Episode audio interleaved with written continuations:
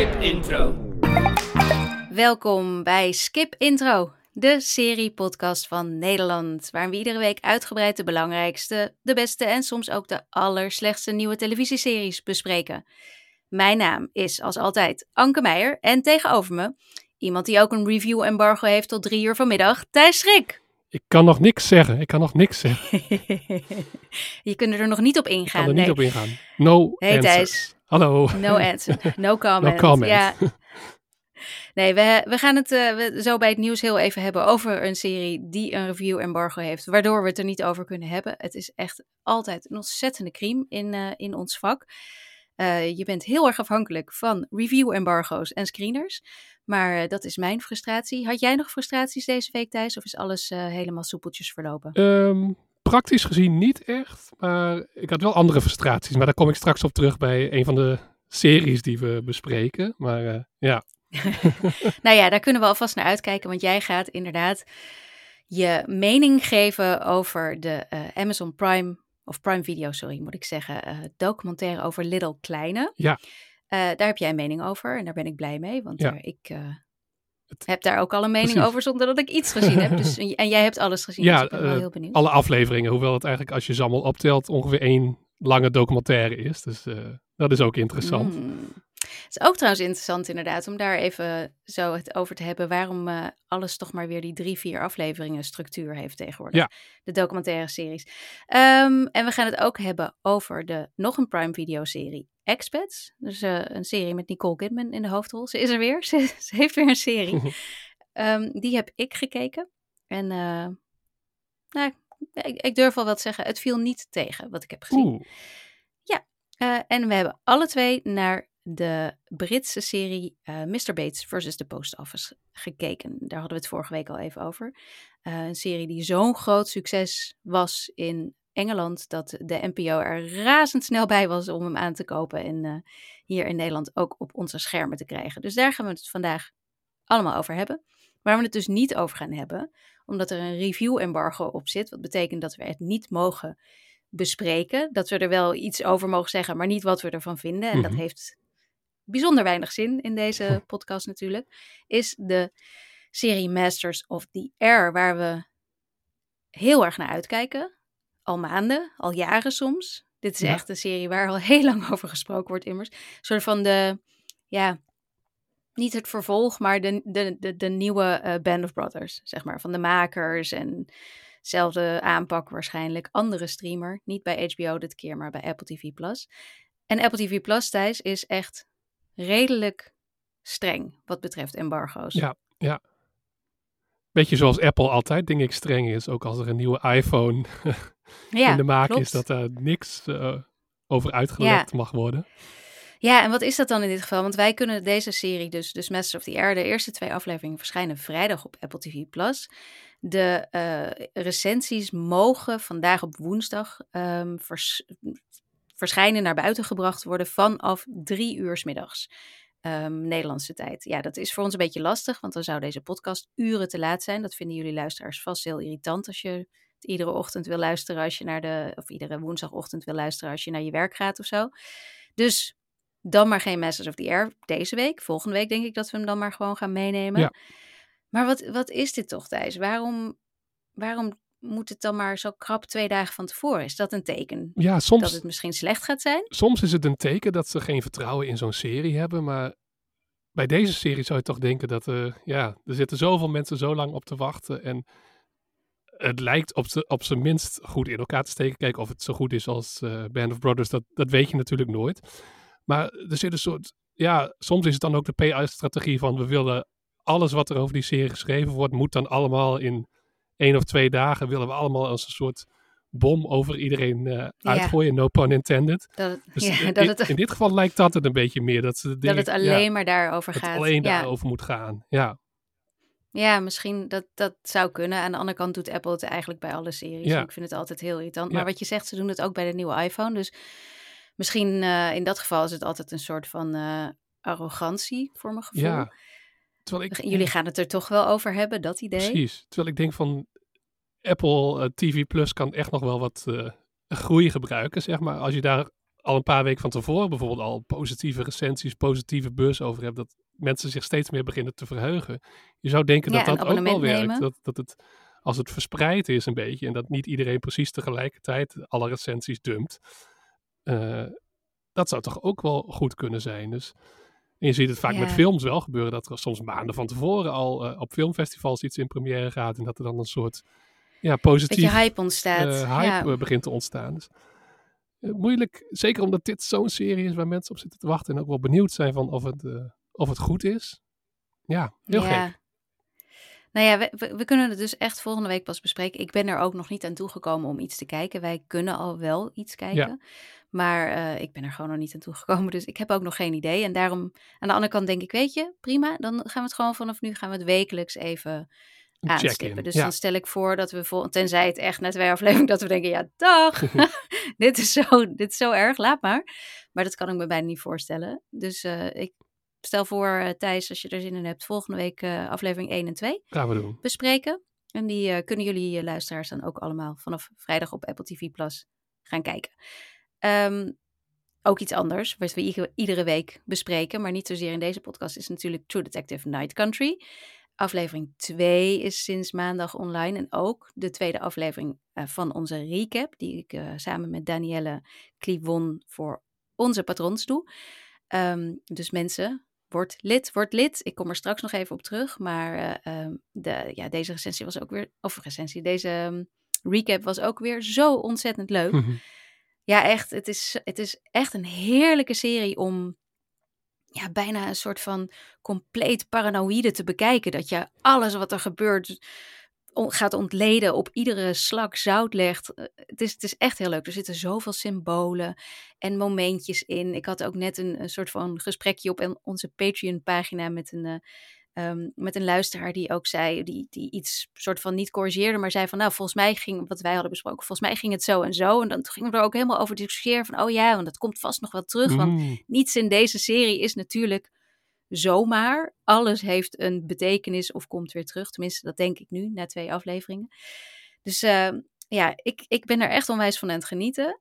En toch, daarom, misschien ook juist, wilde ik even het, het toch nog met jou hebben over het feit dat deze serie dus ook, ook gereviewbomd is op Rotten Tomatoes. Wat inhoudt dat eh, de serie zelf door recensenten heel veel positieve, bijna overwegend positieve recensies heeft gekregen. Maar dat er heel veel van die hele zielige mannetjes, sorry dat ik het even zo zeg, waren, die vonden dat het een één ster moest krijgen. Ja. Eh, van het publiek dus. Eh, omdat het over het algemeen al hun kritiek was allemaal te veel vrouwen, eh, te vrouwelijk, te weinig mannen. Dat was een beetje de kritiek. En dit is natuurlijk wat er heel vaak gebeurt bij series en films waarin die, die eigenlijk altijd van oudsher een beetje gezien werden als voor mannen. Dus superheldenfilms Precies. en dit soort Ja. detective-series. En die dan opeens vooral over en door vrouwen zijn. En dat, dat trekken sommige mensen niet. Nee, bij de Star Wars fanbase, of een bepaalde deel, het giftige Oh, deel ja. van die fanbase speelt dat ook erg. Dat als er dan een vrouwelijke Toen het over Ray ging, Mhm. ik las ook iets over een, eh, een YouTuber die ook dan weer iemand te gast had. Die zei van, Star Wars is niet voor vrouwen, punt. Echt krankzinnig. Maar ook hier, Wauw. ja, Ik heb een vriendin met een eh, Star Wars tatoeage heel Ja. groot op de onderarm. Die daar wel iets over te zeggen zou precies. hebben. Echt hoor. Maar ook hier, eh, deze zag ik niet helemaal aankomen, omdat het soms ook is van. eh, ja, het, bij Captain Marvel bijvoorbeeld, de vrouwelijke superheld, zag je het wel een beetje aankomen. Maar hier had ik het eerlijk gezegd niet verwacht, omdat het ook gewoon een heel rauwe serie is en eigenlijk gewoon helemaal die True Detective spirit heeft. Dus in die zin ook niet. Ja, maar vrouwen, Thijs. maar vrouwen. ja. Dus zelfs ook geen Jodie? Foster. En ik zag dat de, de maker had zelf ook er iets over getweet, maar haar tweet wel weer Ja. verwijderd, zag ik. Ja. Eh, Ja, ze heeft er meerdere dingen over Ja. getweet en daarna weer verwijderd. Ja, Wat ik ook wel Zij, eh, snap, dat je het weer verwijdert. ja Issa Lopez is, eh, zoals ik haar in ieder geval kort heb mogen meemaken, is, een, eh, is wel echt iemand die gewoon zegt wat ze wil zeggen. Echt zero fucks to give. Maar Mooi. ik denk wel dat ze misschien is teruggefloten. Zo van, dat moet je misschien niet doen. Want ze, zij gaf wel echt, ze zei wel echt zoiets van eh, die zielige kleine Ja, mannetjes ja. die dit doen. Die heteroseksuele zielige kleine mannetjes, zoiets. En toen heeft ze daarna weer getweet van... nee, er zijn toch ook wel heel veel heteroseksuele mannelijke fans van de serie... die Ja. dit ook heel leuk vinden, dus ik moet, neem het toch weer terug. En die heeft ze ook weer verwijderd. Dus ja, wat dat betreft kun je zeggen dat het... eh, dat het allemaal ook niet heel soepeltjes van haar kant gaat. Maar het maakt helemaal niks uit wat zij zegt. Het gaat natuurlijk om die serie zelf. Ja. En het is, het is zo, zo kinderachtig. Maar gelukkig is er dus wel een eh, soort van oproep. Na haar oproep is er best wel wat aandacht in de pers op, op internet in ieder geval geweest. En hebben aardig wat mensen positieve recensies achtergelaten, waardoor het toch weer eh, een beetje opgekrikt is allemaal. Oké, ja. Ja, want het was echt eh, onder de 50%. Ja, dat, En nu zit het weer op 68, zag ik. ik denk dat objectief gezien kun je dat gewoon niet zeggen. Ik kan altijd zeggen Nee. dat je een serie wat minder vindt of dat het niet voor jou is. Maar hier, de kwaliteit is zo overduidelijk. Ja, Nou, is iets, maar eh, twee vrouwen, Thijs. ja, twee, vrouwen. En dan ook nog een Ja. vrouwelijke maker. En het wordt niet meer geschreven door een man. Oei, oei, oei. Ja, jeetje. Ja, stel je voor. Ja, Nou, ik, ik vind het tot nu toe echt eh, misschien wel het leukste seizoen van, van deze hele serie. Eh, ja. Ik heb de rest nog niet gezien, dus ik weet niet hoe het uiteindelijk eh, gaat aflopen. Maar eh, ik, ik ben er onwijs van aan het genieten. En eh, ik zag wel dat, de dat de kijkcijfers zijn niet helemaal bekend, maar wel van de lineaire uitzendingen. En daar Oh ja. was ook bij aflevering 2 een duidelijke groei van 28% eh, merkbaar.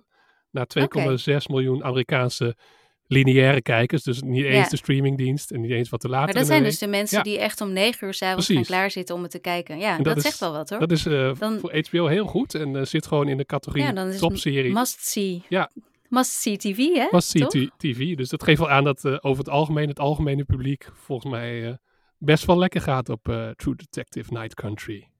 Ja, nou, ik ook. Ik ook. En ik, ik hoop ook dat we er met Masters of the Air ook nog eentje bij krijgen. Want ook nu Fargo weer is afgelopen. En ik Ja. zeg, ik heb de laatste aflevering nog niet kunnen kijken. Oh.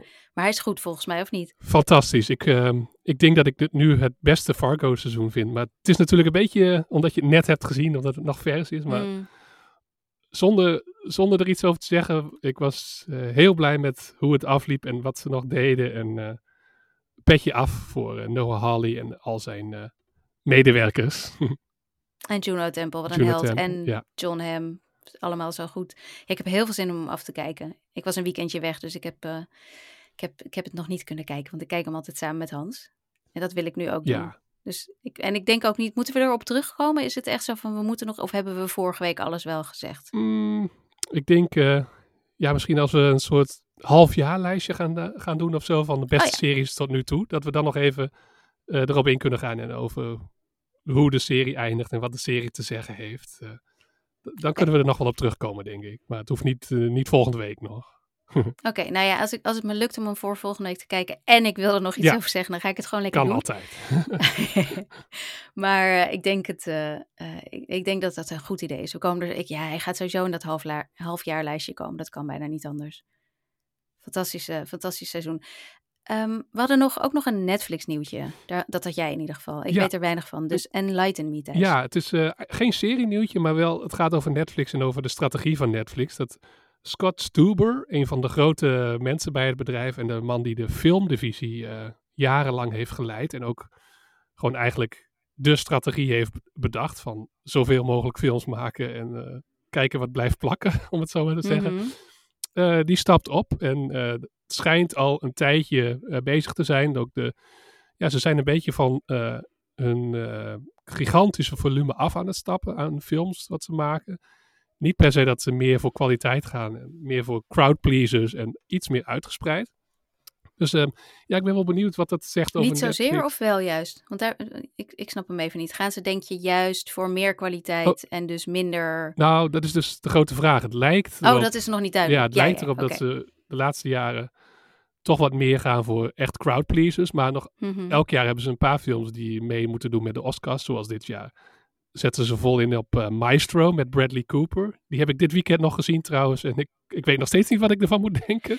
Ik hoor echt mensen die echt het, het, het een van de slechtste dingen ever vinden, ongeveer. Oh, nou, ik vond het dus... Af en toe is het fantastisch en af en toe is het verschrikkelijk. Dus Hmm. uiteindelijk heb ik drie sterren gegeven op, eh, op de Hmm. filmsite Letterboxd. Ehm, maar het is overduidelijk een poging om een Oscar te winnen voor, van Bradley Cooper. Ja. en op een of andere manier heb ik er ook wel weer respect voor, zijn- voor zijn gigantische ambitie. En hij is ook een groot talent. maar dat soort films, eh, daar geeft Netflix ook nog altijd geld aan. Maar ik ben benieuwd nu Stuber opstapt of dat doorgaat. Of dat ze nu alleen maar zeggen van, we gaan alleen nog voor ehm, wat simpelere films, wat goedkopere films. Want zo'n Maestro is ook weer peperduur. Hmm. Ehm, en nu eh, Stuber weggaat. ehm, ja, dat, dat wordt even afwachten. Maar ja, het zegt altijd wat over, eh, over Netflix als zo'n iemand die het zo heeft vormgegeven weggaat. Dus, eh, maar we weten niet of het voor de, voor de better of voor de worse is. tot nu toe. Oké. ja. Nou, ik, eh, ik ben benieuwd. Bella Bajaria zit er nog, neem ik aan. Ja, en die schijnt haar positie nog wat verstevigd te hebben. Dus dat, dat misschien ook Omdat nu meespeelt met zijn vertrek. Dat, eh, dat Hmm. haar rol al ook op dat vlak wat groter eh, is geworden. Dus. Maar dat is eh, speculatie, dat weet ik niet zeker. Oké, zij is van de, van de cheeseburger. eh, Ja, ja. de, de, nee, hoe heette het ook alweer? Gourmet, Gourmet cheeseburger. Dat was het. dat alles wat Netflix uitbrengt een gourmet cheeseburger moet zijn. Met Ja. andere woorden, het moet een, een, een extra luxueus blaadje sla hebben, maar voor de rest wel zo simpel dat iedereen het weg Ja, kan happen. makkelijk. Dat is een beetje de strategie van, eh, van Netflix al jaren. En dat hebben we ook gemerkt. Ehm, de serie trouwens, die, een Netflix-serie die deze week ook is uitgekomen, Griselda, die eh, hebben we alle twee niet kunnen kijken, geloof ik. Ik Nee. ben erg benieuwd, ehm, als hij nou nog een beetje goede recensies krijgt, eh, dan eh, ga ik er misschien komende week nog aan ja, beginnen. ik dacht ook, dit is eentje die ik even afwacht. Want we, ik, ik kon hem wel vooraf zien, maar ik had er ook geen, geen tijd voor in de agenda. Maar, dus ik weet ook niet helemaal of het iets, iets is. Maar ik, ik wacht even af tot hij gewoon ge, gereleased wordt. Nou, dan, eh, dan komen we er wel of niet op terug. Ja. We gaan even kijken. Maar als het een beetje een soort van narco's met een vrouwelijke hoofdpersoon is, dan eh, ben ik op zich wel voor. Eh Sofia Vergara's, Vergara's, zeg ik dat goed, speelt eh, natuurlijk de hoofdrol. Maar ja, het kan ook op zijn Netflix een beetje tegenvallen. precies, ja. En, en het is wel weer een vrouw in de hoofdrol. Jeetje, Oh nou, jee. Vrouw in oh, die handel. hey, laten we, dat was een beetje het serie nieuws wel, volgens mij hebben we het nu wel gehad. Ja. Laten we naar de series gaan die we hebben gekeken deze week. Om te beginnen met Lil Kleine, heet hij zo? Jorik. Jorik heet hij, ja, Jorik. Ja. Want zo heet Lil Kleine in het echt. Ja, hij heet, eh, ik moet even zijn achternaam checken, Jorik Scholten. Ehm, Hm. En de, ja, de naam van de docu zegt misschien al iets over dat eh Little Kleine meer als een gaat. gewoon mens wil, gezien wil worden. En ik ga niet de hele historie eh, herhalen, maar zoals we allemaal weten, Little Kleine was een van de grootste, ja, in de popcultuur van Nederland, een van de grootste namen eh, van het land. like it or not. Ehm, had een zeer ge- giftige eh, relatie met, met een vrouw. En er is ook zijn camerabeelden waarin ook te zien is dat hij haar ja, mishandelt. Wat er nou precies te zien is, daar gaat de documentaire ook heel- Iets met een eh, hoofd tussen een autodeur, zoiets. hij eh, ontkent dat het hoofd tussen de autodeur is eh, gegooid. Maar goed, er is zeker mishandeling heeft er plaatsgevonden en dat ontkent hij ook niet. En Ik heb eigenlijk, niet haar hoofd tussen de autodeur, maar gewoon tegen de autodeur aan. Ja, zo, of ik, eh, zoiets. ja, blijft- dat zal iets beter inderdaad, als dat je ja, verdediging is. het, het blijft een beetje vaag. Maar ja, ik moet zeggen, toen dit werd vorige week pas aangekondigd, of vorige week zag ik pas. En toen werd ik meteen, Als je, als je inderdaad iets hebt waarover je geen bus vooraf wil hebben, dan is het zoiets wel, ja. Ja. Maar oké, sowieso, ja, ik zag dit ook en ik dacht echt, godverdomme, hé, wat, wat doen ze nou, nou Ja. daar bij Prime? Wat is dit? Ga je je Nederlandse budget hier aan besteden? ja, dat dacht ik ook. Van, eh, het had ook naar een mooie dramaserie gekund misschien. Maar ik dacht eh, daarna ook, ja, ik kan nu heel boos doen. Maar dan moet ik het denk ik ook zien. En eh, nou, zoals Mhm. mensen weten, volg ik de popcultuur ook wel. ook met mijn nieuwsbrief. Dus ik dacht, nou, laten we het toch doen. En ook soms wil je ook naar, ja, helaas is het dan toch iets, een soort perverse prikkel eh, misschien. En ik denk dat, dat veel mensen dat hebben. Dat ze, ondanks dat ze een hekel hebben aan die jongen, ze toch willen zien eh, ja, hoe die documentaire nou in elkaar zit. Het is in drie delen, dus, eh, maar elke is ongeveer een half uur. Dus je kunt zeggen, het is gewoon eigenlijk een documentaire met elke Oh, keer een soort van semi-cliffhanger. Ja, maar de- wat ik net al zei, Ja. de driedelige documentaire serie is op dit moment een beetje een ding. En dat, dat blijkbaar dan denken ze, oh, dat werkt goed, Ja. laten we dat maar doen. Maar het had dus ook gewoon een lange Precies. film kunnen zijn, oké. En het is een beetje een genre op zich natuurlijk. André Hazes junior en allerlei andere sterren die een soort van semi-persoonlijke documentaires maken. Ook over hun problemen, over hun drank- en drugsproblemen. En Lil Klein is dan het ideale. dan een, ik ja. mishandel mijn vrouw. Ik probleempje. eerst man, mishandel Mm. mevrouw. Dus daarom denk ik al van, willen we dat, dat we deze jongen een extra een nieuwe kans geven en vermenselijken? Ik dacht, ik denk van niet. En na het kijken van die documentaire denk ik nog steeds van, ehm, het is misschien ook voor de jongen zelf, die allerlei issues heeft, beter als hij uit de spotlight verdwijnt. Want het is overduidelijk niet iemand die weet hoe je met roem om moet gaan en met heel veel geld. Dat is een klassiek geval, zoals we vaak in de rock and roll hebben gezien, van iemand die veel te veel, veel te snel krijgt en daar niet mee om kan gaan. En ik ehm, vond het wel op momenten fascinerend, omdat je wel ziet hoe het systeem werkt, zeg maar. Van als alles goed gaat, dan staat iedereen naast je, maar hij heeft ook wel heel veel verloren. Hij is dan, zoals ze dan zeggen, gecanceld. En dit is overduidelijk een poging om zijn, zijn straatje schoon te vegen en zeer terecht gecanceld. Maar... Dus het voelde heel ongemakkelijk, omdat er dan, zeg maar, semi-authentiek wordt gezegd van ik ben fout geweest en ik heb dit fout gedaan en ik zal het nooit meer doen en het komt door de drugs en noem allemaal maar op. En het is eigenlijk uh, bullshit. Uh, het is gewoon omdat hij een carrière weer wil. Weet hij wat hij moet zeggen? Er is een soort van stappenplan. Dit moet je doen om dan weer groot te worden. Dus al met al vond ik dat al ernstig. Alleen het allerergste vind ik dat er ook uh, een kind in het spel is. Dus samen met Jamie Vaas heeft hij een, een kind. En dat wordt ook besproken en dat kind is ook te zien. Tenminste, wordt wel geblurred, maar er is af en toe te zien, want hij mag zijn kind dan niet zien. Maar dan zijn er afspraken over dat dat wel een keer mag. En er wordt zelfs gepraat over dat het kind dan niet praat. Uh, en ja, ik zag dat Patty Bart zich daar zorgen over maakte, ja. dat zag ik voorbij komen. En dat vond ik nog het ergste. Je kunt nog zeggen van, nou oké, als het om volwassen mensen gaat, het is nasty, maar goed, misschien zijn er mensen die zo'n soort van roddeldocumentaire willen zien. Maar dat dat kind daar ook een rol in speelt, uh, vind ik eigenlijk een grof schandaal. En eh, dat Amazon dat echt, echt, niet had kunnen doen. Dus ik kan zien van dat het soort van degelijk gemaakt is en dat het ook wel kritisch over hem is, maar lang niet kritisch genoeg. En vooral, heeft deze jongen aandacht nodig? Nee. En vanuit wie is dit uh, tot stand gekomen? Is dit zijn team die heeft bedacht dat dit een, een goede manier was om inderdaad zijn zijn carrière weer een beetje eh, terug te krijgen? Of is dit vanuit een onafhankelijke partij die dacht dit is interessant om te vertellen? Volgens mij wel vanaf een onafhankelijke partij en dat ze hem hebben overgehaald om het, uh, om het uh, ja, er onderaan mee te werken. Maar hij zegt ook wel... Voelt het ook zo? Nee, want hij zegt ook een paar keer eerlijk van ja, dat hij een keer naar de afkikkliniek ging. Hij zei van en dat, daarom is het soms wel interessant, want hij, hij zegt gewoon eerlijk, ja, dat is de strategie, want om weer een beetje populair te mm. worden, moet je eerst dat doen. Dus in die zin geeft het wel inzicht in zo'n, ja. ja, de crisismanagement, zeg maar. Dus op dat vlak vond ik het nog enigszins interessant. En ook dat iemand mhm.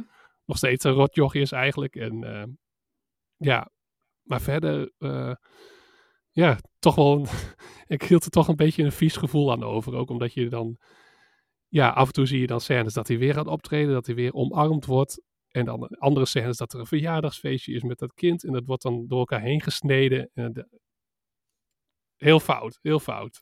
Heb je er, hebben we er iets aan?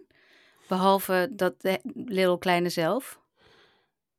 Is dit, hmm. is, leer je hier iets van? Komt zijn ex ook aan het woord? Nee, zijn ex die wilde dus ook niet meewerken. En die, dat staat op het eind erbij. Dus er is ook geen wederhoor. Dus hij, want hij zegt wel, ja, ik was fout, maar zij was ook fout. Ja, dus, dat, dat las ik al. En uh, was er nou ook zo'n quote van... Uh, zoiets kan in, in iedere relatie gebeuren? Ja, het zat er in de docu enigszins... Ja, het wordt het iets meer uitgelegd. Maar uiteindelijk zegt hij van, ja, het kan het kan, het kan, gebeuren. En het was uh, omdat hij ook aan de druk zat en zij aan de druk zat. En, uh, ja, puur... No fucking excuses. Echt serieus. Ik vind het. Ik, sorry, je, je, je, maakt mij dus wel echt boos door dit alleen maar te vertellen. Ik vind het echt, echt schandalig. Ik vond het vooral in die zin een goed inzicht in de deprimerende staat van bepaalde media. En ook ja, de, de, de RTL Boulevard-industrie, zeg maar, die ook dol is op dit soort verhalen. En dan. Uh, ja, dat er een soort comeback verhaal ook moet ontstaan. Hm, nee, niet oké. Dus uh, toch, ondanks, ja, nee, één ster. Ga, kijk het niet, kijk het niet. En ik, ik zou aan Amazon vragen van, is dit het waard? Want ze staan, de serie staat nu wel op één in, op Amazon, dus zijn er bepaalde kijkers die je nu trekt, of misschien wat extra abonnees, is dat het waard? Ik zou zeggen van niet. Dus uh, ja, smerig is mijn conclusie. Ja. Ja, heel smerig. Ik, ik, heb, ik heb echt serieus bijna geen zin om de volgende serie te bespreken, omdat die ook van Prime is. Ja, dat is Ik, zo ik, gek. ik wil bijna boycotten, maar dan is Ja. deze aflevering al bijna voorbij. Ik, ik, eh. Ja, ik denk ook van het is dat ik voor mijn werk moet kijken. Anders als consument had ik echt eh, Amazon in elk geval voor een tijdje opgezegd. Gewoon eh, als statement. Want dit is gewoon ethisch gezien niet oké. ja. Ja, daar ben ik het helemaal mee eens. Ik, eh, ik worstel echt eventjes, Thijs. Ja, Wat ja nee, nou ik, eh, en daarom dacht ik van, ik moet hem wel van begin. Ik ging even kijken uit een soort van, hoe zou, steekt het nou in elkaar? Van, ik dacht van, ik kan niet zomaar alleen maar kritisch zijn zonder het te zien. Maar nu ik het helemaal heb gezien, eh, denk ik alleen maar van, nee, dit is niet oké. Ja, het beste signaal wat je natuurlijk kunt geven is of inderdaad Prime Video helemaal opzeggen. En een begeleidend briefje erbij doen op een of andere manier. Ik weet niet of dat kan. Ehm, of in, eh, sowieso deze serie natuurlijk niet aanklikken. En Nee. niet die verleiding. eh, ja, Precies, de- de- de, de verleiding. De perverse, die verleiding is er natuurlijk wel, want het is allemaal juicy en noem maar op. eh, eh, en Yvonne Kolderweijer had zelfs gezegd dat ze het eh, wel een goede documentaire vond. Dus nou ja, Oh, dat is, dat is zo- inderdaad de endorsement die je wil hebben, Ja. lijkt me. Dan denk- ben je... je kunt zeker een documentaire maken over eh, giftige relaties of over, eh, ja, mishandeling, noem allemaal maar op, maar dan niet met zo'n jongen. En eh, daar kun je een heel een interessant en goede tweedok van maken, zeg maar, op de NPO. Mhm. Maar ik zou dat niet doen met meneer Drank en Drugs, Little Kleine. Nou ja, ofwel, maar dan ook zet er echt iets Ja, tegenover. Maak het breder en, als niet dan- alleen... eh, Ja, en als dan zijn ex niet wil meewerken, zorg dan dat er genoeg mensen zijn die daar wel iets over kunnen zeggen. het moet gebalanceerd die- zijn. Dat is ja, dit niet. perspectief brengen en niet alleen maar dat hij mag zeggen dat dit in iedere relatie wel eens voorkomt. Nee, zeker niet. Oké, dus eh, een hele, hele, hele erge anti-tip. Kijk Ja. deze serie niet. Kijk het Keihard niet. niet. Kijk het niet. Nee. En Prime, twijfelachtig. Ik weet het niet. Ik, nou, het is dat ik, ik, het- ja, ik- we gaan wel de volgende serie, ik ga hem wel bespreken. Ja, Maar dus met een eh, kleine kanttekening. Alleen maar, en dat heeft niks met de serie zelf te maken. Precies. Alleen maar omdat het Prime is. Ja. Oké, nou, volgende serie dan. Expats. You know, Hong Kong was supposed to be a fresh start for me. A fresh start, really? At 24? I think my marriage is over. Has David been home? No, ma'am. What am I still doing here? Do you ever imagine yourself living a completely different life?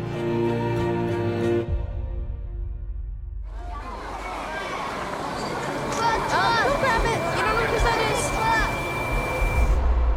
is! You're just watching them every second, even when your eyes are closed. And I have no idea how it happened.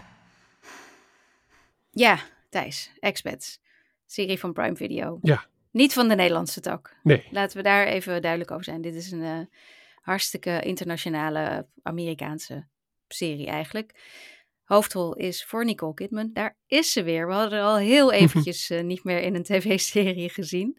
Doet ze nog wel iets anders? Doet ze nog wel films eigenlijk? Ik heb haar al heel lang niet meer in een nee. film voorbij zien komen. Ik denk dat ze echt eh, puur series doet. Ja, nu je het Ja, zegt. terecht hoor. Het is hartstikke leuk natuurlijk. Ja. Eh, dit is ook een serie die ze eh, wederom, want dat doet zij ook vaker zelf, eigenlijk heeft, ehm, ja, niet gemanifesteerd, maar tot Hm. stand heeft gebracht. Ze heeft hier zelf achteraan gezeten. Het is namelijk naar een boek ehm, van, en dat had ik ergens opgeschreven, nu ben ik het even kwijt. Lulu Wang, toch? Nee, Oh, nee, nee. nee. Ehm, Oh. Dat is de regisseur. Oh, zij heeft inderdaad wel de, de serie ook geschreven, de showrunner en zo. Maar nee, eh, Janice ehm, I.K.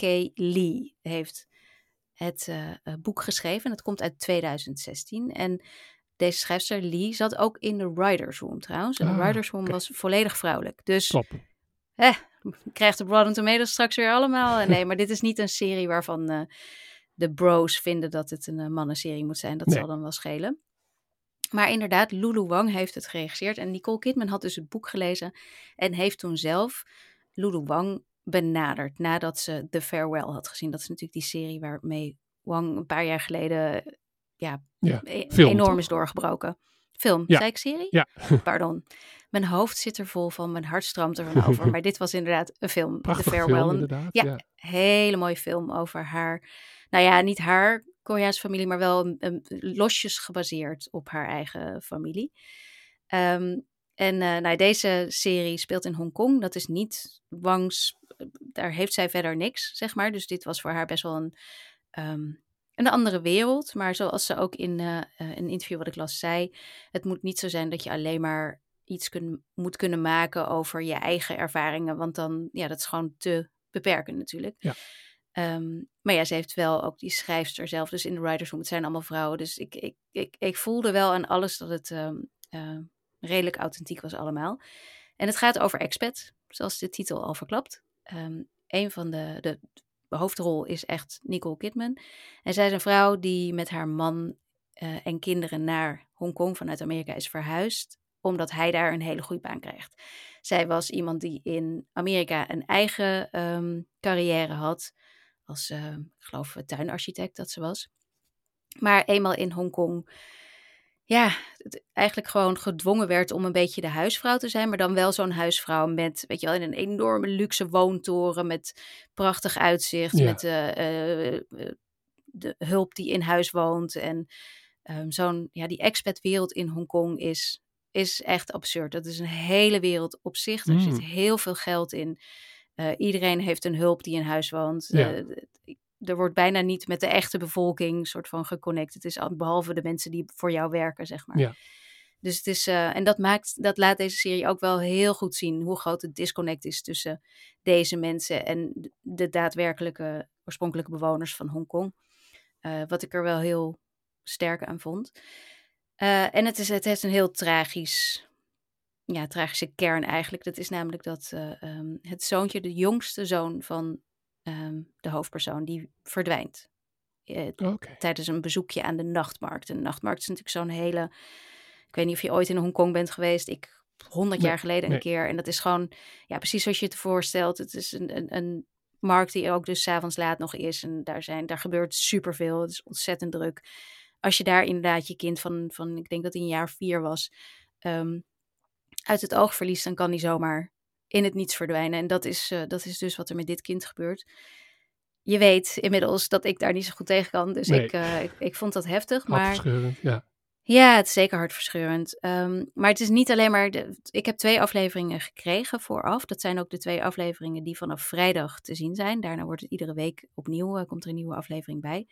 De twee afleveringen die ik gezien heb, die spelen in eerste instantie. De eerste aflevering is een jaar na dit tragische voorval. En um, daarna springt de aflevering eigenlijk een jaar terug om ja, te vertellen hoe dat dan uh, gebeurd is. Wat ik wel lekker Mm. vond, dat er niet uh, met flashbacks of wat dan ook, maar dat het gewoon in één keer even helemaal teruggaat. Ja, ja. Um, ik weet niet hoe, de, hoe het vervolg dus is.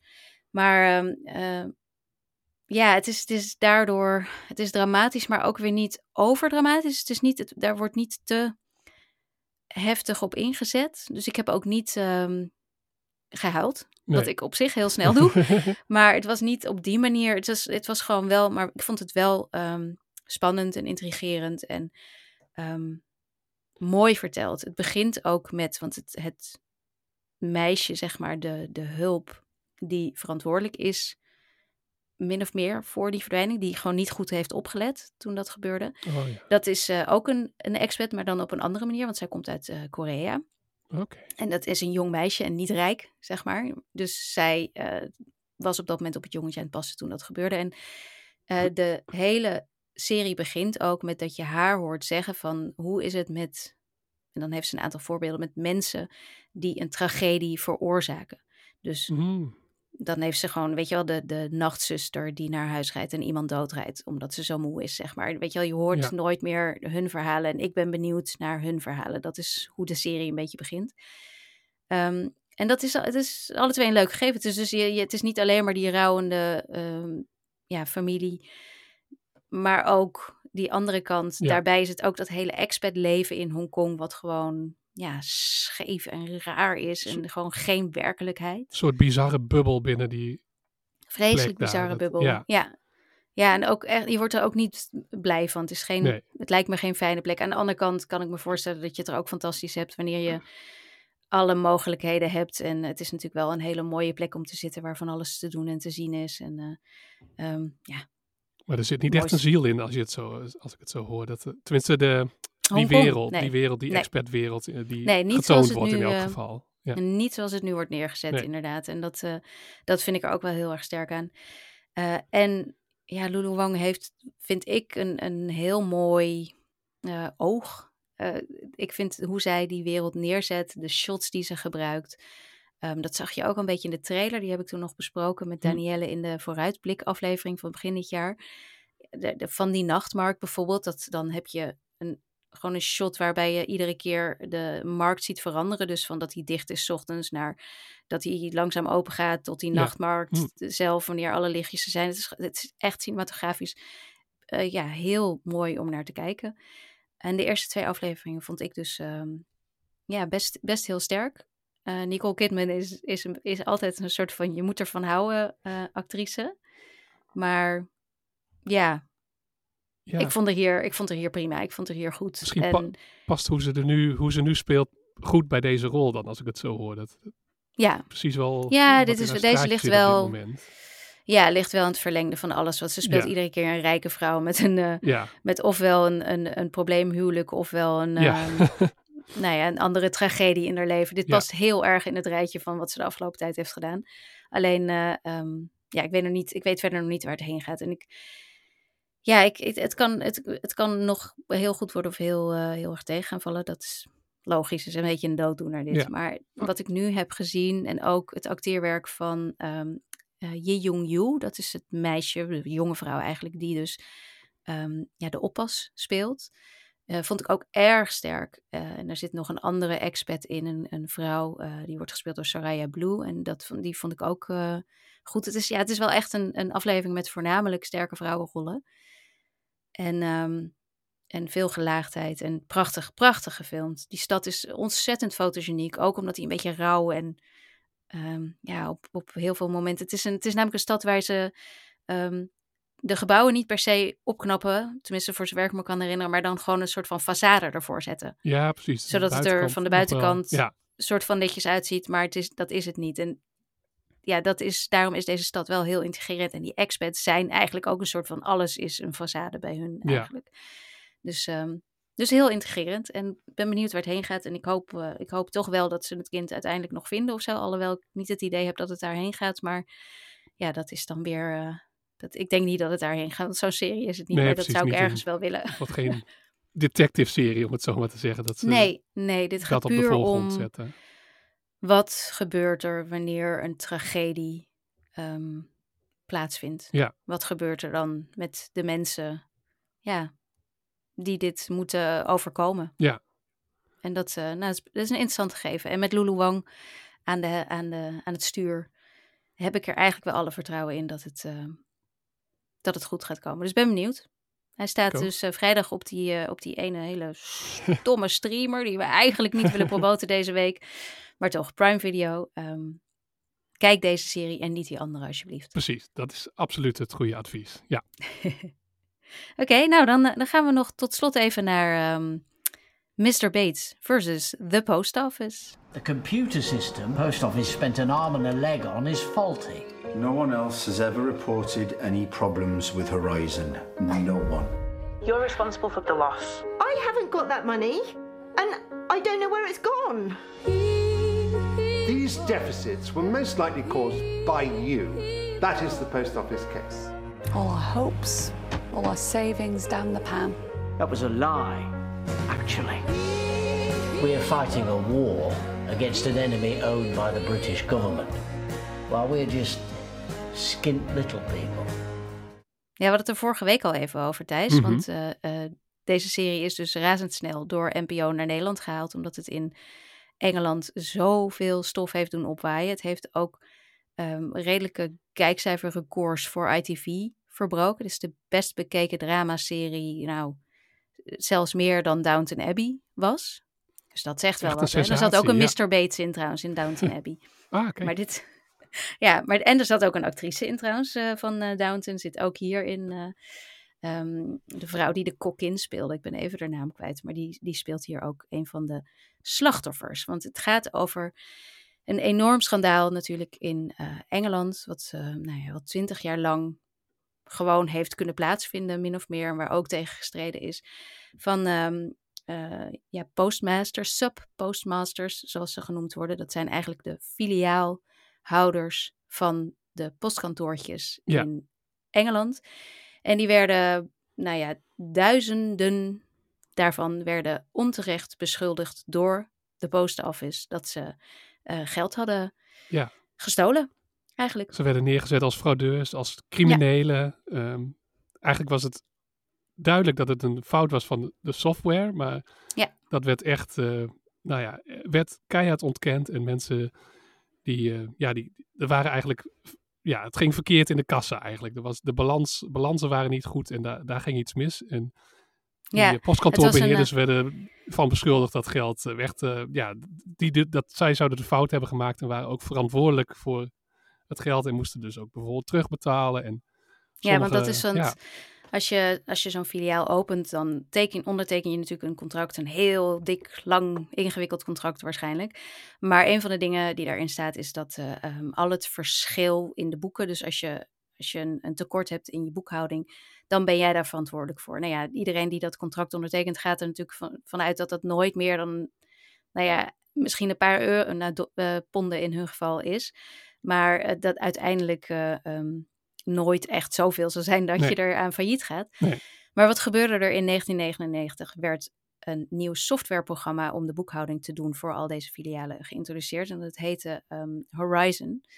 En Horizon wordt ook in deze serie nou, neergezet als dat is zo'n zo'n enorm eh, ja, computerblok. Wat je vroeger altijd onder je Ja, ja, bureau had staan. En wat ik heel mooi vond aan deze serie is dat je, je ziet hem vooral in aflevering 1 en misschien nog in 2, maar vooral in 1, dat je dan, het is, het is eigenlijk het monster van deze serie en je Ja. ziet hem dan, dan wordt hij zo gefilmd en dan zie je de lampjes daarop, die zie je zo een beetje op en neer gaan, een beetje flikkeren. En hij doet verder helemaal niks, maar ik vond het wel heel treffend iedere keer neergezet, want ik kreeg er ook een beetje de kriebels van, van dat Ja. enge ding. Want wat doet, dat doet natuurlijk niet dat blok wat onder je bureau staat, maar het programma, daar zat gewoon een fout in. En die fout, eh, die had niet bij alle filiaalmensen, want er waren er natuurlijk, nou, weet ik veel hoeveel in dat hele land. Maar bij een aantal mensen ehm, ging de boekhouding fout. Waardoor zij alles hadden ingevuld aan het einde van de dag en dan bleek ze opeens een tekort van 3000 pond te hebben. Als ze dat dan wilden oplossen, vaak met behulp van de, de hulplijnen die er waren, ja, dan gebeurde het zelfs regelmatig dat in plaats van dat ze het hadden opgelost, dat de schuld alleen maar groter werd. Ja. Waarop de persoon aan de hulplijn zei, aan de andere kant van de lijn zei van ja, eh, oh, dat zal het programma binnenkort vanzelf wel oplossen, maar voor nu moet je het bedrag wel zelf even aanvullen. En dat kwam er dus op neer dat mensen nou, duizenden, tienduizenden ehm, ponden moesten gaan bijbetalen. En uiteindelijk hun huizen zijn kwijtgeraakt, hun filialen sowieso. Ehm, huwelijken zijn geklapt, mensen hebben zelfmoord gepleegd. En mensen zijn ook aangeklaagd door de, aangeklaagd door de post office en in de gevangenis beland. Ja. Terwijl het allemaal een fout van de software was. ja Het verschrik, is echt, verschrikkelijk. echt een absurd verhaal. Klinkt bijna als een soort, iemand vergeleken met een soort eh, moderne, of geen moderne, hui- eigentijds eh, Black Mirror aflevering bijna, van wat Ja. er mis kan gaan. Met en software. Als de computer nee zegt en als dan Ja. het systeem, want het is ook echt heel veel, laten we zeggen, kleine mensen tegen één heel groot systeem, één groot, ja, door de Ja. overheid. eh, eh, Ja, want je hebt aan de ene kant inderdaad die software die dan het soort van de, het, het monster even is. Ja. Maar uiteindelijk het echte monster, de echte vijand in dit Ja. hele verhaal is natuurlijk dat instituut, de post office. Wat eigenlijk geprivatiseerd is, maar maar één aandeelhouder heeft en Ja. dat is de staat. de staat. En ja, ik vind dat de serie eh, heel goed en heel helder, meteen vanaf de eerste scène eigenlijk, eh, je wordt er meteen ingegooid. Er is niet echt een opbouw, je ziet meteen een, eh, iemand die zijn postkantoor kwijtraakt. Ja, Mr. Bates, Mr. Bates zelf, Ja, gespeeld door Alan de enige Bates. echte Toby Jones. Ja. Fantastische acteur. Zo'n geweldig karakter... Wow, ik kom er niet uit. Zo'n geweldig gezicht met heel Ja. veel... eh, Echt zo'n eh, character actor, eh, zeggen ze Character dan in, actor, in, ja. goed Nederlands. Maar die, die draagt eigenlijk de serie, tenminste hij, die man die, die begon een strijd en die wilde ook slachtoffers bij elkaar halen, want de slachtoffers kregen vaak ook te horen, ja, je bent de enige waar het bij fout gaat. one. You're the only Ja. one. En dat, bleek, dat bleken honderden, of misschien wel duizenden te zijn. Duizenden, ja, En, meer dan ehm, 3000, hij 3500. ha- haalde al die mensen bij elkaar en begon een strijd en wilde ook, ja, probeerde er aandacht voor te krijgen. En ja, want het, is dus zo dat het in- Groot-Brittannië echt helemaal eh, losging. Maar het is niet zo dat het niet eerder in de pers is geweest. Eh, er is over geschreven, er zijn programma's over gemaakt. Maar het maakt wel duidelijk, een dramaserie kan een soort... Het geeft een soort gezicht aan, het, aan een, een heel groot ingewikkeld probleem. Ook met honderden mensen. Dus, en kiest een aantal mensen uit om die dan te portretteren en de situatie te laten zien. Ehm, en in die zin vond ik het dat heel goed gedaan. Ehm, ik had wel een paar eh, af en toe dat ik dacht van. Oké, nu wordt het, wordt het wel heel uitleggerig. En nu is, eh, krijgen we personages die echt zeggen van. Die moeten nu een bak informatie eh, neerzetten. En ook meteen neerzetten van. Ja, zo moeten we ons voelen. En daar begon het bij mij af en toe een klein beetje te knagen. Ja, toch wel. Oh, Ondanks ik echt geen de goede spelers en het super interessante verhaal. Ik heb dat echt geen één keer gehad. Ik vond het juist ontzettend knap dat ze zoiets best wel ingewikkelds. Want het heeft zo lang, het heeft meer dan twintig jaar lang gespeeld. Ja. En wat, wat ik heel erg eh, ingewikkeld om te begrijpen vind, is dat zodra dit toch ook maar een beetje eh, boven water kwam, zodra ze bij de post office hier toch iets van lucht van kregen, dat ze dit niet meteen hebben aangepakt. Dat, is, dat, is, dat maakt dit eigenlijk onbegrijpelijk Nee. voor mij.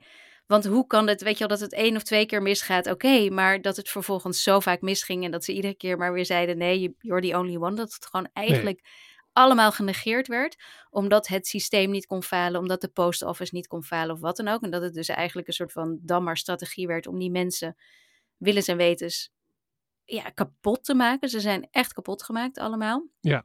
Dat vind ik dus heel moeilijk te begrijpen. Maar ja, wat ik wel, dat is te begrijpen gewoon op een menselijk niveau, snap ik dit niet. Maar de serie laat het wel heel goed zien waarom het iedere keer dan lijkt alsof er een, een kleine winst is behaald. Want dan heeft inderdaad Mr. Bates, die een van de eerste slachtoffers was, die dan samen met zijn vrouw ja, hun postkantoortje sluit en, en elders een leven weer gaat opbouwen. Trouwens wel op een prachtige plek ergens in Ja. Wales, geloof ik. Heerlijk. eh, Ehm, ik had meteen zin in een vakantie daar Precies, naartoe. ja, want deze, dat las ik ook ergens. Deze serie is aan de ene kant natuurlijk echt, is het allemaal drama en vreselijk. Is het een soort van het slechtste van Engeland ooit. Maar aan de andere kant zie je ook de mooiste plekjes in Engeland. Want al die post offices zitten op hele idyllische plekken in mooie dorpjes. En, eh. Dus ik vond het ook wel, het is bijna een beetje een ehm, all creatures great and small meets, eh, nou ja, noem eens een drama. Dus dat is dan wel weer mooier. Maar Mr. Bates, ehm, die lijkt het een soort van op te geven. En als hij dan voor het eerst meerdere andere slachtoffers bij elkaar heeft gevonden, dan denk je, hè, nu zijn we er. Maar dan zijn ze er nog lang niet. Nee. Want dat, dat beest van de post office is vrijwel onmogelijk om, ja, om aan te pakken wanneer je maar gewoon een individu bent. Ook al ben je met z'n tienen, ook al ben je met z'n honderden. Dus dat heeft uiteindelijk heel lang geduurd. En ik vond dat, ja, het is een ingewikkeld proces. En wat dat betreft, ja, had je dan meer dan vier afleveringen gewild? Was dat dan beter geweest? Ja, nee, ik weet het niet. Want ik, ik was dus helemaal klaar. En misschien eh, waren mijn verwachtingen net iets anders. Ik was klaar om te huilen en klaar om, voor kippenvel, zeg maar. En dat gebeurde bij mij niet helemaal. Het bleef mij af en toe een beetje... Want je krijgt dus eh, volgens mij uit mijn hoofd vier verschillende dossiers eigenlijk te zien. Of eh, de Ja. mensen die dan ook samenkomen. En af en toe bleef mij dat net iets te eendimensionaal of zo van... En ik snap dat het slachtoffers zijn, maar ze waren allemaal zeg maar heel goed. En er zit één vrouw in, eh, gespeeld door super sympathieke actrice, eh, Monica Dolan, als ik het goed zeg. Ja, dat is eh, En, degene die Joe ja. Hamilton speelt, ja. En die zat bij mij wel bij elke scène leek ze op de rand van de afgrond te staan in een soort van klaar om te huilen. En ik snap dat dat in zo'n situatie gebeurt, maar daardoor zag ik haar niet helemaal als driedimensionaal personage. Ondanks, ze had absoluut mijn sympathie, maar ik, ik miste misschien toch nog een extra laag of zo. Want eh, eh, ik zag het bijna zo van, dit is inderdaad bijna een soort van documentaire-achtig af en toe van hoe je het uitgelegd krijgt. En zo overduidelijk de boodschap erin, dat ik misschien net even de kunst eh, in de serie miste. Maar ik snap ook Ja. dat het ja, een het is geen Fargo, zeg maar. En dat eh, niet iedere serie Oh, ik heb zo totaal- stijlvol te ik- zijn. Ja, ik daar- heb totaal het tegenovergestelde. daarom zat ik, een ben- beetje zo van, waarom raakten we mij niet betreft- helemaal?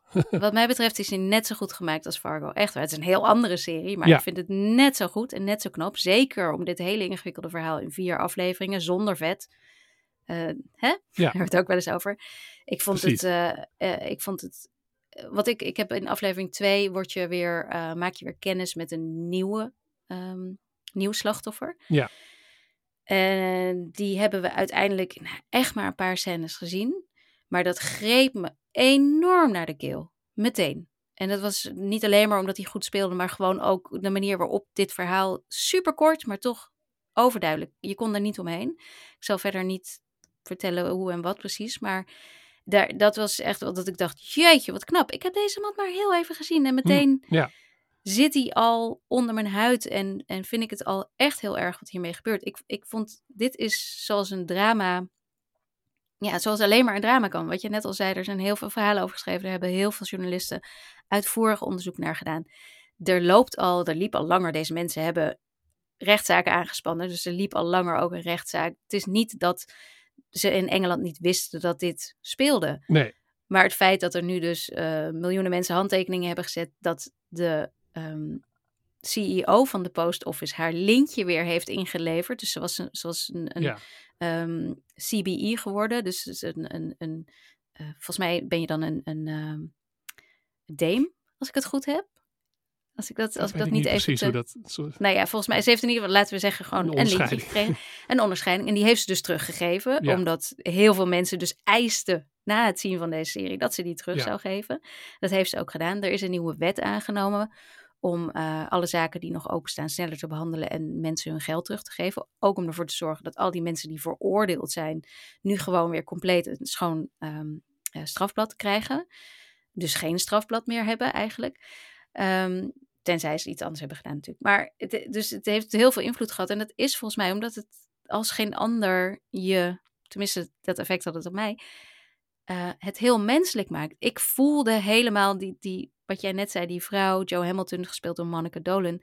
Ja, ze was wel vaak, stond op, op het punt van huilen. Ja. Maar dat zou ik ook wanneer ik gewoon echt niet weet wat ik fout doe. Want zij dacht gewoon echt, wat ben ik hier fout aan doen? Hoe kan dit Ja. gebeuren? Hoe kan het nou dat ik alles goed doe en dat ik eh 3000 eh, pond schuld heb? Hoe kan het nou dat ik doe wat de- hulplijn zegt en nu heb ik 7000 euro schuld? Hoe kan ik nu opeens alles kwijt zijn? Al mijn spaargeld, mijn, eh, mijn huis, mijn hypotheek, alles, weet je wat? Ik, ja, Ja. ik, ik snapte wel dat ze ieder moment wilde huilen eigenlijk. Maar ik, ik, ja, ik het vond het... voor mij eh, net iets te vaak terug misschien. En ja, het, ra- het raakte me in mijn hoofd misschien meer dan mijn hart. Gek genoeg, ondanks dat ze duidelijk ook, ook wel even voor... Zonder overdreven sentimenteel te worden, wel af en toe Helemaal voor... niet. eh, ja. ja, daarvoor gaan. Maar ik kreeg iets meer het gevoel van een docudrama. Dat je ook zo'n. Soms heb je documentaires waar dan nagespeelde scènes zitten. Dit is zeker hoger niveau, maar het raakte mij op die manier meer. En ik, ik ben heel blij dat ik nu precies weet hoe dat schandaal eh, in elkaar steekt. En de parallellen met bijvoorbeeld een toeslagenschandaal, die zijn in Ja. Nederland zijn, zijn overduidelijk. Dus ik ben blij dat die ge- gemaakt is. En, maar ehm, ja, en ik, ik ben in een minderheid, want ik, alle recensies eh, ook in, eh, in Engeland zijn lyrisch. eh, minstens vier sterren. Dus, Ja. Maar ja, soms is het vier ook... sterren gekregen. ja. het is net hoe het je raakt. En mij raakt het meer in mijn hoofd dan in mijn hart. En dat misschien omdat het net voor mijn gevoel dan wat iets te veel werd uitgelegd wat ik moest voelen. En, maar aan de andere, andere kant, het is comple- complexe materie die ook wat versimpeld moest worden. Dus in die zin eh, heel goed gedaan. En absoluut een must-see, zou ik wel zeggen. Maar mij bleef een benieuwd. beetje, ik bleef er een beetje wat neutraler bij uiteindelijk. Ja, ja. ja. Nou ja, ik, ik eh, had ook, eh, geloof ik, op social media al gedeeld dat ik na het zien van de laatste aflevering echt, echt heel hard heb zitten huilen. Ehm, want ik vond het heel, en dat was juist niet op het moment dat het me, ik heb, ik heb helemaal niet het idee gehad überhaupt dat het me werd verteld wanneer ik iets moest voelen. Dit was echt op een moment dat het eigenlijk een soort van goed gekomen was, omdat ze eindelijk gerechtigheid kregen. En dat, eh, ja, dat, ik vond het gewoon heel heftig, omdat, omdat ik het voelde alsof ik me echt compleet realiseerde wat er allemaal gebeurd is met zoveel mensen en hoe Ja. ontzettend oneerlijk dat was en wat het allemaal had gedaan. En ja, ik moest gewoon meteen weer denken en, en die mensen die ja, die er echt een onderdoor waren gegaan. Ik, ik, Ja. En dat was in vier afleveringen, niet eens super lange afleveringen. Ehm, personages die je soms maar heel kort ziet. Ik vind het super knap. Ik vind het echt super knap. Het is, ehm, ja. Ik, ik vond zeker vier sterren en eh, ehm, keiharde aanrader. En gek genoeg moest ik moest denken aan waarom huilde ik hier niet. En bij Maestro, een film die Die je slecht totaal vond. anders is. En die, nou ja, delen zijn slecht en delen zijn heel goed. Daar zit wel ook een fantastische scène in waar ik wel bij moest huilen. Wat dan wel zo'n Ja, overduidelijke Oscar... vaak, zeg je altijd. Ja, overduidelijke... Ja, laten we zeggen de, de, de scène die je inzet als je een Oscar wil. Door Carrie Mulligan, die fantastisch Ja, speelt ja, in ja, ja. Mhm. Maar dat, misschien omdat dat net meer bij een eh, soort van dichter bij een persoonlijke situatie eh, kwam. Nou ja, ik, ik ga off topic. Maar daar moest, daar, bij die film moest ik gek Nee, wel ja. huilen. Die ik uiteindelijk minder, veel minder geslaagd vind dan eh, Mr. Bates. Ehm, Nee, maar het ik kan, hoor. Het kan ook het moment ja, zijn waarop ik je ben blij dat Het kan- dat, het, dat het gemaakt is. En je kon wel zien, eh, nou, tenminste, ja, het is het gewoon ehm, niet showy. Het is niet eh style over substance. Het is echt substance, substance deze serie. En dat, Ja. dat absoluut. Dus Ja, dat kunnen de Britten wel. knap, Deze knap serie gedaan, is dat trouwens, wel. dat wil ik dan nog wel even zeggen, geschreven door Gwyneth Hughes. En die heeft daar, het is ook een voormalig eh, journalist ook, en die heeft er ook jaren over gedaan. Mm. Uitvoerige research gedaan. Dit is niet zomaar eventjes. En dat merk, dat Nee, het voelde wel gewoon aan. duidelijk dat alles klopt en goed onderzocht is. En, eh, Ja, zeker. en ik ben ontzettend blij dat deze serie zoveel teweeg heeft gebracht. En dat, eh, ja, dit, is, dit voelt een beetje als de gerechtigheid die al deze mensen al die tijd niet Ja. hebben gekregen. Dat ze het eindelijk, eindelijk krijgen. Eindelijk gezien worden. Want deze mensen, die, die kwamen in het nieuws toen ze dus door de post office hiervan beschuldigd werden. En die kwamen in het nieuws als, als, als, als graaiers die het geld van arme pensionadas had, eh, hadden wegge Ja. of wat dan ook, weet je. Dus dit- en nu komen ze eindelijk weer in het nieuws op een manier waar, waarop het Ja. niet anders dan duidelijk kan zijn dat het niet aan hen lag. En dat, eh, nou, daar, daar, ik, ik was gewoon echt heel blij voor al deze mensen die ik helemaal niet ken. Dus hoera voor Mr. Bates Ja. versus The Post Office en de hoera voor tv-series Nou, en de enorme zeker. impact die ze kunnen hebben. Alleen het is te, te hopen dat niet alleen tv-series, dat het dan pas eh, goed komt. Dat is dan wel weer een beetje de, misschien de deprimerende gedachte die, die ik had. Dat blijkbaar is er, is, was het niet genoeg, want dat er dan ook met, met spoed eh, ging de regering dan ook ehm, ja, proberen eh, sneller eerherstel nog te krijgen en ook ver- eh, vergoedingen te krijgen. En dat je denkt van ja, maar dit doen jullie ook omdat het nu PR is. Dus Richie Ja, maar Sunak ja. die dat dan zegt. En dat is goed dat Ik- het ik- gebeurt, maar deprimerend dat, je het- hoor, dat dat nodig je, was. dat Dat, het zo lang nodig moest is. duren. Tuurlijk, Ja. tuurlijk. Die vrouw had dat hele lintje niet aan mogen nemen, omdat ze wist wat er nee, allemaal want het was speelde. al, eh, inderdaad, toen speelde Als het de al. Toen wereld- kreeg ze dat lintje. Als de wereld ook maar iets beter in elkaar zou zitten, dan, dan Ja. was zo'n serie niet nodig geweest.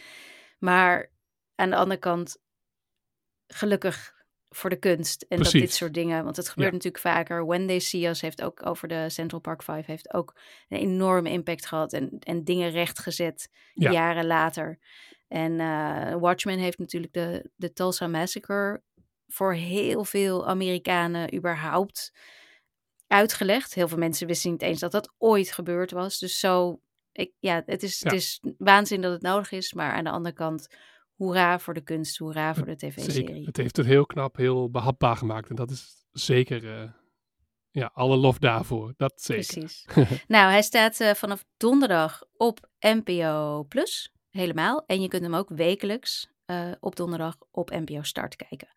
Dus hoe je het ook doet, dwingende kijktip. Goed, goed van de NPO dat ze snel geschakeld hebben. Want ik denk dat hij gewoon la- later in de planning stond dat hij aangekocht was. En daarom is die denk ik ook nog niet op reguliere tv Ja, te zien. dat zal misschien dan even denk ik duren. iets Ja. later nog. Maar goed dat ze inzagen van, nou, dit, eh, dit moeten we zo snel mogelijk eh, op de zender gooien. Of op de streamingdienst in elk geval.